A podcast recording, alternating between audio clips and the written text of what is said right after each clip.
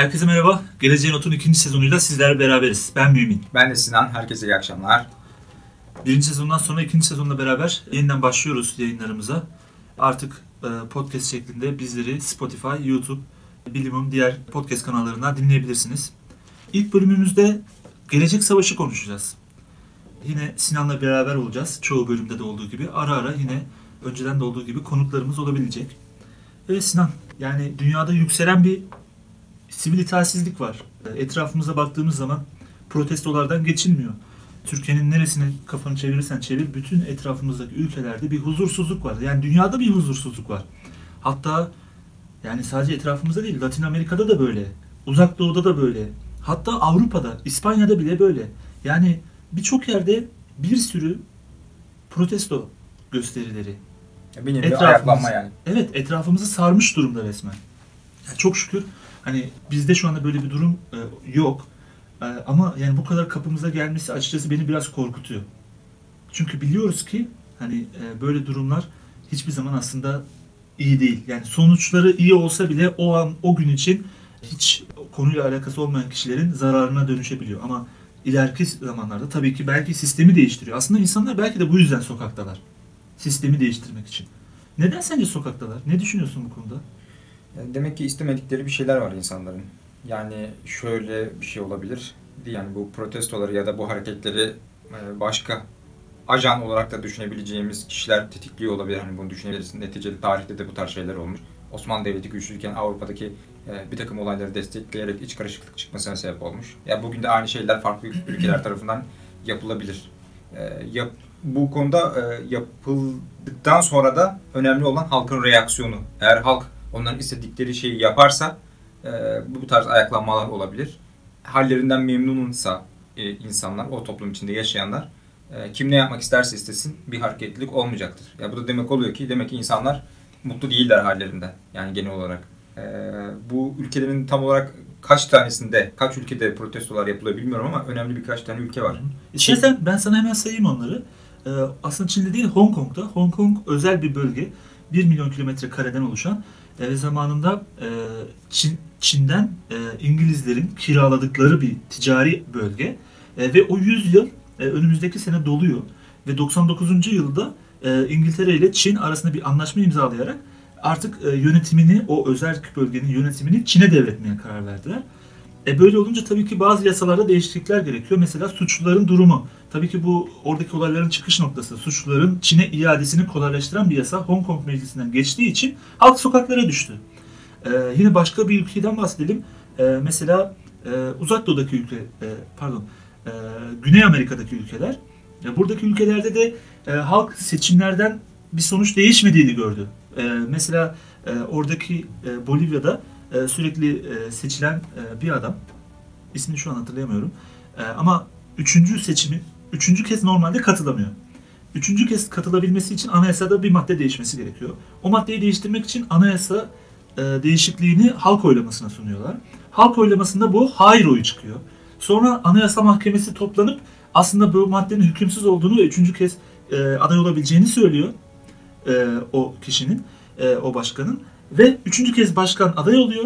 Sonra seçimler yapılıyor. Seçimlerin oyları sayılırken bilgi akışı akşam saat 10'da kesiliyor e, ulusal kanallarda. Bir, birden muhalefet e, öndeyken birden biri yani mevcut partinin başkanı öne geçiyor. Ve dolayısıyla ha- yani halkta hile yapıldığına dair bir izlenim oluşuyor.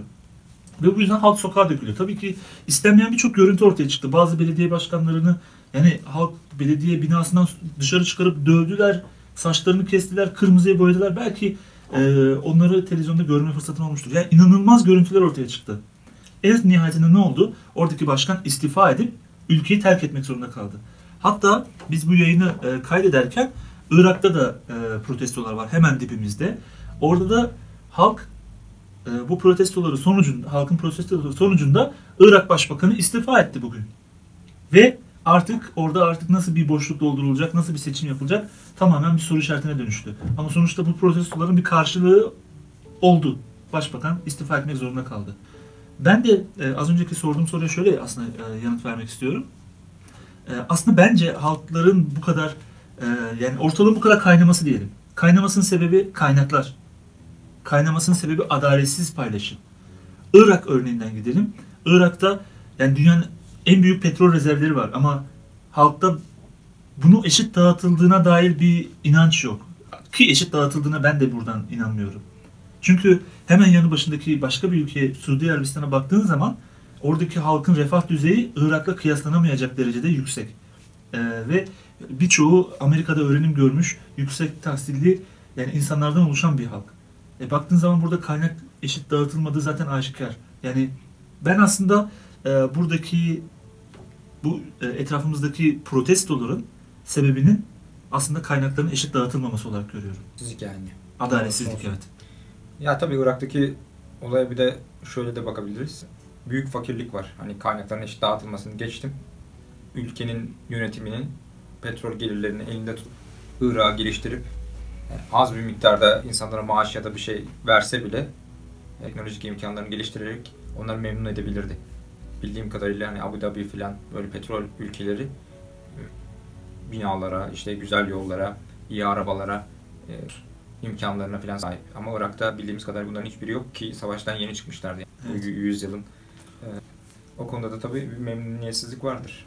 Evet. Bir de savaş insanları aslında ülkeleri bir şekilde geriye götürüyor. Mesela Suriye'ye baktığımız zaman yanı başımızda yıkılmış bir ülke var artık. Yani eskiden en nihayetinde e, yani iyi ya da kötü bir ülke vardı ama şu an yani neredeyse hiçbir düzenin kalmadığı, her yerin paramparça olduğu bir ülkeden bahsediyoruz. E tabii ki e, bu aynı zamanda başka şeyleri de tetikliyor. Yani ben aslında bunu birazcık da e, Fransız devriminin devamı olarak görüyorum. Yani aslında insanlar özgürlük arayışında. Onu tetikleyen, Fransız devrimi tetikleyen şey de buydu aslında biraz. Ama e, bazı ülkelere galiba bu anlayış yeni mi geldi sence? Ne düşünüyorsun? Ya aradan 230 sene falan geçti herhalde Fransa üstünde 1789 yanlış. 3 insan ömrü sonra bu kısımlar aktarılmış, aktarılmış olabilir mi acaba? Düşündürücü tabii. Ama neden olmasın? Ee, o süreç biraz daha Rönesans'a falan o tarz şeylere de dayanıyor. Ona baktığımız zaman e, böyle özgürlüklerden falan bahsedilme, kilisenin baskısı falan vardı o zaman. Onun da e, geçmişine gidildiğinde coğrafi keşiflere bakılıyor. Coğrafi keşiflerde işte biraz daha hani araştırdığımız zaman şu çıkıyor. Normalde Hristiyanlığa inandıklarında bir papaların papazların dediklerine göre e, İncil'de her şey yazıyormuş. Bütün soruların cevabı İncil'de varmış. Bundan sonra bu ins- e, insanlar şeye gittikleri zaman Amerika'ya da keşfederken bakıyorlar İncil'de oradaki adamların varlıklarından bahsedilmiyor işte. Oradaki hayvanlardan, şeylerden bahsedilmiyor ve insanları onlar e, İncil'de geçmeyen varlıklar olarak görüyorlar ve öldürmeye başlıyorlar. E, Korkunç. yani Bartolomeo de la Casa mıydı? Öyle bir adam vardı. Bu adam bunlardan rahatsız oluyor. Bu da bir din adamı. Bunları yazıyor krallarına işte o zaman kim bilmiyorum da. Isabella Ferdinand'tı galiba. İşte kralım diyor burada din adına büyük katliamlar oluyor bilmem ne falan filan. Ee, İnsanlar bunları da daha sonra öğreniyor. O zaman gazetecilik yeni yeni başlayan bir şey. Böyle tam gazetecilik de denilmiyor. Ee, bakıyorlar işte ba- bambaşka bir dünya var yani kendi yaşadıklarında. Hem de aynı zamanda onlar, e, orada olup bitenler İncil'de de geçmiyor. Sonra bu papazlar bizleri kandırıyor mu acaba falan diye e, böyle düşünceler çıkıyor. reformu Bunda- doğuruyor diyorsun. Evet bunu da tetikleyen bir de o zamanlar tam matbaa çıkmaya başlıyor. Ve artık herkes İncil'i okumaya başlıyor. Yani Ondan aslında iletişim. aktarıla, evet aktarıla aktarıla Fransız devrimine geliyor. Arada da belki de 300 yıl falan var yani neden olmasın bugün de aynı şeylerin olması olabilir bence. Aslında doğru söylüyorsun. İletişimin artması e, buradaki yani uç fikirlerin dünyaya kolay yayılmasını da sağladı. Ama bence bu o kadar her zaman iyi niyetli olmayan şeyleri de çabucak yayılmasını sağlıyor. Mesela işit. Yani baktığın zaman yani o kadar çok insanın bu kadar bağ, yani bu kadar saçma bir inanca, düşünceye sahip olup bir yerde toplanıp bir toprak kavgasına girişmesi yani bir terör örgütünün parçası olması yani Hollanda'dan kalkıp kadınların gelip yani orada hani bir parçası haline dönüşmesi bu örgütün yani inanılmaz bir şey, inanılmaz korkunç bir şey. Ve yani dünya topyekun bununla mücadele etmesi gerekiyor hakikaten. Evet tabii orada o IŞİD'in kimin kimlerin desteklediği de önemli. Yani belki de büyük ekonomik güçte olan insanlar da destekliyor. Çünkü bulunması gerekiyor işte onun normal bir savaş düşün. İşte teçhizat gerekiyor, barınma gerekiyor, e, sürekli bir akış gerekiyor vesaire vesaire. E, tabii bunda o etkileşim yönünde bir yönü o işin. Ama hani az önce bahsettiğim protestolar falan da e, yine iletişim sayesinde olan bir şey. Yani adamlar bakıyor işte ülkenin bir yerinde bir memnuniyetsizlik var Ee, ve şey protestolar gerçekleşmiş. Biz niye yapmayalım diye diyorlar. Onlar da Evet, Yapıyorlar. Yani belki e, bu 230 yıl süren bir süreç ama yani son zamanlarda çok hızlandı. Çünkü Arap Baharı dediğimiz şey yani yanlış hatırlamıyorsam Mısır'da, Libya'da başladı. E, yavaş yavaş etkisini e, Orta Doğu'ya kaydırdı. Şu anda Orta Doğu'daki ülkelerden de sınırımıza kadar dayanmış oldu. Neyse ki Arap değiliz diye düşünüyorum. yani Türk Baharı diye bir şey herhalde olmaz. Türklerin belli bir şey geçmişi var. Kendi devletlerini kurdular. Ee, Birbirlerine bağlı yaşadılar Türk kavmi. Ve kendileri içinde başka e, milletlere adapte olup başka milletleri de kendileriyle beraber yaşamayı bilen bir millet. İşte bunlara örnek yani böyle tarihi geçmiş olan birkaç tane benim bildiğim şey var. Ülke ya da milliyet Roma bunlardan bir tanesi. İtalyan devleti diye biliyorum. Avrupa'da Alman İmparatorluğu var, Germen İmparatorluğu. Bu coğrafyada da Osmanlı İmparatorluğu var, Türklerin kurduğu. Böyle farklı milletleriyle beraber yaşamayı bilen bir millet, Türk milleti. O yüzden çok büyük problemler olacağını zannetmiyorum. Olsa bile aşar diye düşünüyorum. Ya tabii e, bu e, yani aslında hepimizin problemi. Yani ben kendi açımdan bile aslında bazen değerlendirmek zorunda kalıyorum. Yani çünkü e, sadece savaş sahada olan bir şey de değil şu anda. Savaş öyle bir noktaya dönüştü ki artık yani e, ekonomi alanına da yayılmış durumda. Mesela önceden soğuk savaş döneminde bu uzay alanında, teknoloji alanında gelişmelerle savaş varken, e, birbirine karşı silahlanma yarışı içindeydilerken şu anda ekonomik olarak yaptırımlar yönünden bir savaş yürütülüyor. Ve yine aynı şekilde silahlanma yarışı yine başlamış durumda. Yine birçok ülkenin silah depoları giderek ağzına kadar konveksiyonel silahlara dolmaya başladı. Sence bu nereye gidiyor? Yani ne olacak yani bunun sonu? Çünkü biliyorsun her bir güç bir potansiyel yani akacak düşük bir potansiyel bekler. Ve vakti zamanı gelince de kullanılmak ister yani. Evet, e, dünya çapında aslında gerilim yavaş yavaş yükseliyor. Bazen e, yükselip azalıyor. Hani bir para kuru gibi. E, geçmişte işte Kuzey Kore ile Amerika arasında bir gerginlik vardı. İşte Çin'le Amerika yine bir gerginlik yaşıyor. Yani kendi ülkemizden baktığımız zaman Amerika ile biz de gerginlik yaşıyoruz. Dolar bazında oynamalar oluyor işte ekonomik yaptırımlar falan. Bu tarz şeyler farklı farklı ülkelerde oluyor. E, yani Avrupa'ya baktığın zaman o da bir çalkalanma sürecindeki gibi İngiltere gibi bir güç devlet ayrılıp ayrılmama sürecinde. Ee, belki ayrıldı bence. evet ayrıldı neredeyse. Ee, Evet. Belki de Avrupa'daki diğer ülkelerde İngiltere'ye örnek alacak. Yani bu olmuş bir şey değil ama olabilir şu anda. Evet. Yani böyle bir ayrılıklaşma, bir yerlere çekilme ülkeler arasında bu bana 2. Dünya Savaşı öncesindeki süreçleri anlatıyor yani hatırlatıyor tarihte bak. Yani kritik bir eşikti aslında şu anda. Bir de baktığımız zaman şu anda savaş teknolojileri alan- alanında da e, çok ciddi gelişmeler var. Artık e, otonom silahların e, yani olduğunu biliyoruz. Yani Evet. insansız hareket edebilen kitle imha silahlarından bahsediyoruz. Uçan sadece İHA'lardan değil. Belki de yani insansız tanklardan, insansız denizaltılarından, insansız başka bilmediğimiz robotlardan. Aslında bunlara insansız deniyor da insanlı. Sadece uzaktan kontrol ediliyor. yani kendi kendilerine hareket etmiyorlar yani. Evet Bir manada öyle uzaktan şimdi, kontrol şimdi ediliyor. birisini öldürünce mesela şimdi onu yani hani bunu bir insan yapmadı diye düşünmememiz lazım diye herhalde. Evet aynen öyle. Ya şöyle. Tabii arkasında bir düşünce de var, bir insan da var. Evet şöyle kademe kademe de düşünebiliriz aslında. Birinci Dünya Savaşı çıktığı zaman insanlar şeyle e, tüfeklerle ya da toplarla savaşıyorlar. Tabii uçak çok az var. Yani uçak az, tanklar da az. Var ama çok az. Evet. Bildiğim kadarıyla sonradan, Evet. son zamanlarında dahil oluyor. Sayıları bir hale, atlar falan var yani. İkinci Dünya Savaşı'na baktığın zaman tankların savaşı, işte uçakların savaşı, e, gemilerin, donanımlı gemilerin savaşı. Hatta nükleer bombaların Evet. savaşı. Aslında o da aynı Birinci Dünya Savaşı'nın tanklar nasıl sonradan geldiyse e, bitiren de şey, Yine nükleer bomba. nükleer bomba. İşte benim korkum da şu aslında. Yani 3. Dünya Savaşı'nda Yani başlangıç o tarz şeylerle de biliyorum olabilir 3. Dünya yani. Savaşı diye bir şey yok. Ve umarım da hiçbir zaman olmaz ama yani korkutucu değil mi sence de bu, bu gelişim? La, tabii korkutucu. İnsan zaten bu dünyaya en çok zarar veren varlık varlık insan herhalde. Evet. Yani aklı olmadık noktaları diğer hayvanlarla şey varlıklarla karşılaştıramayacak kadar üstün olan bir varlık ve bu iyi yönde kullanılabildiği kadar kötü yönde de kullanılabiliyor. Aslında ben biraz şöyle düşünüyorum. Bu savaş teknolojinin çirkin yüzü gibi. Yani Evet.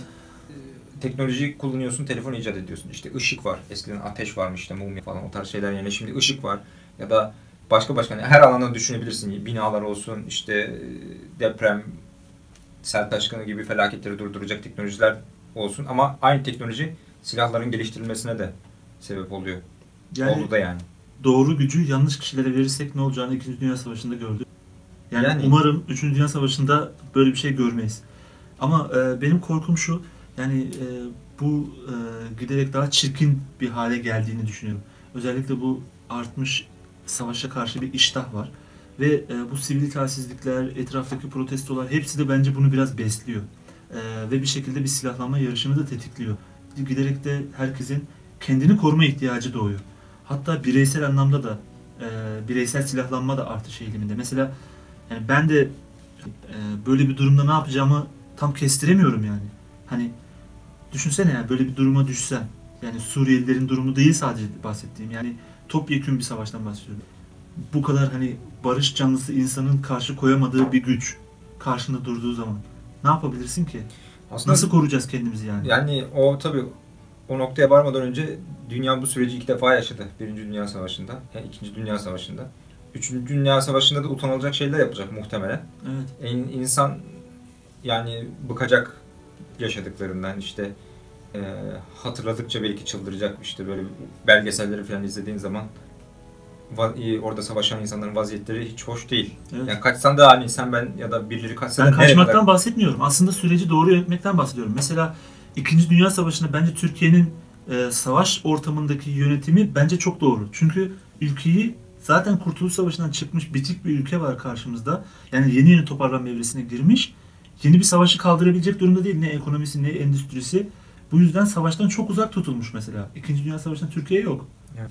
Ee, yani benim demek istediğim aslında bu. Yani savaşa karşı bir duruş gibi aslında bu biraz. Yani iki tarafta da iki taraftan da olmamak.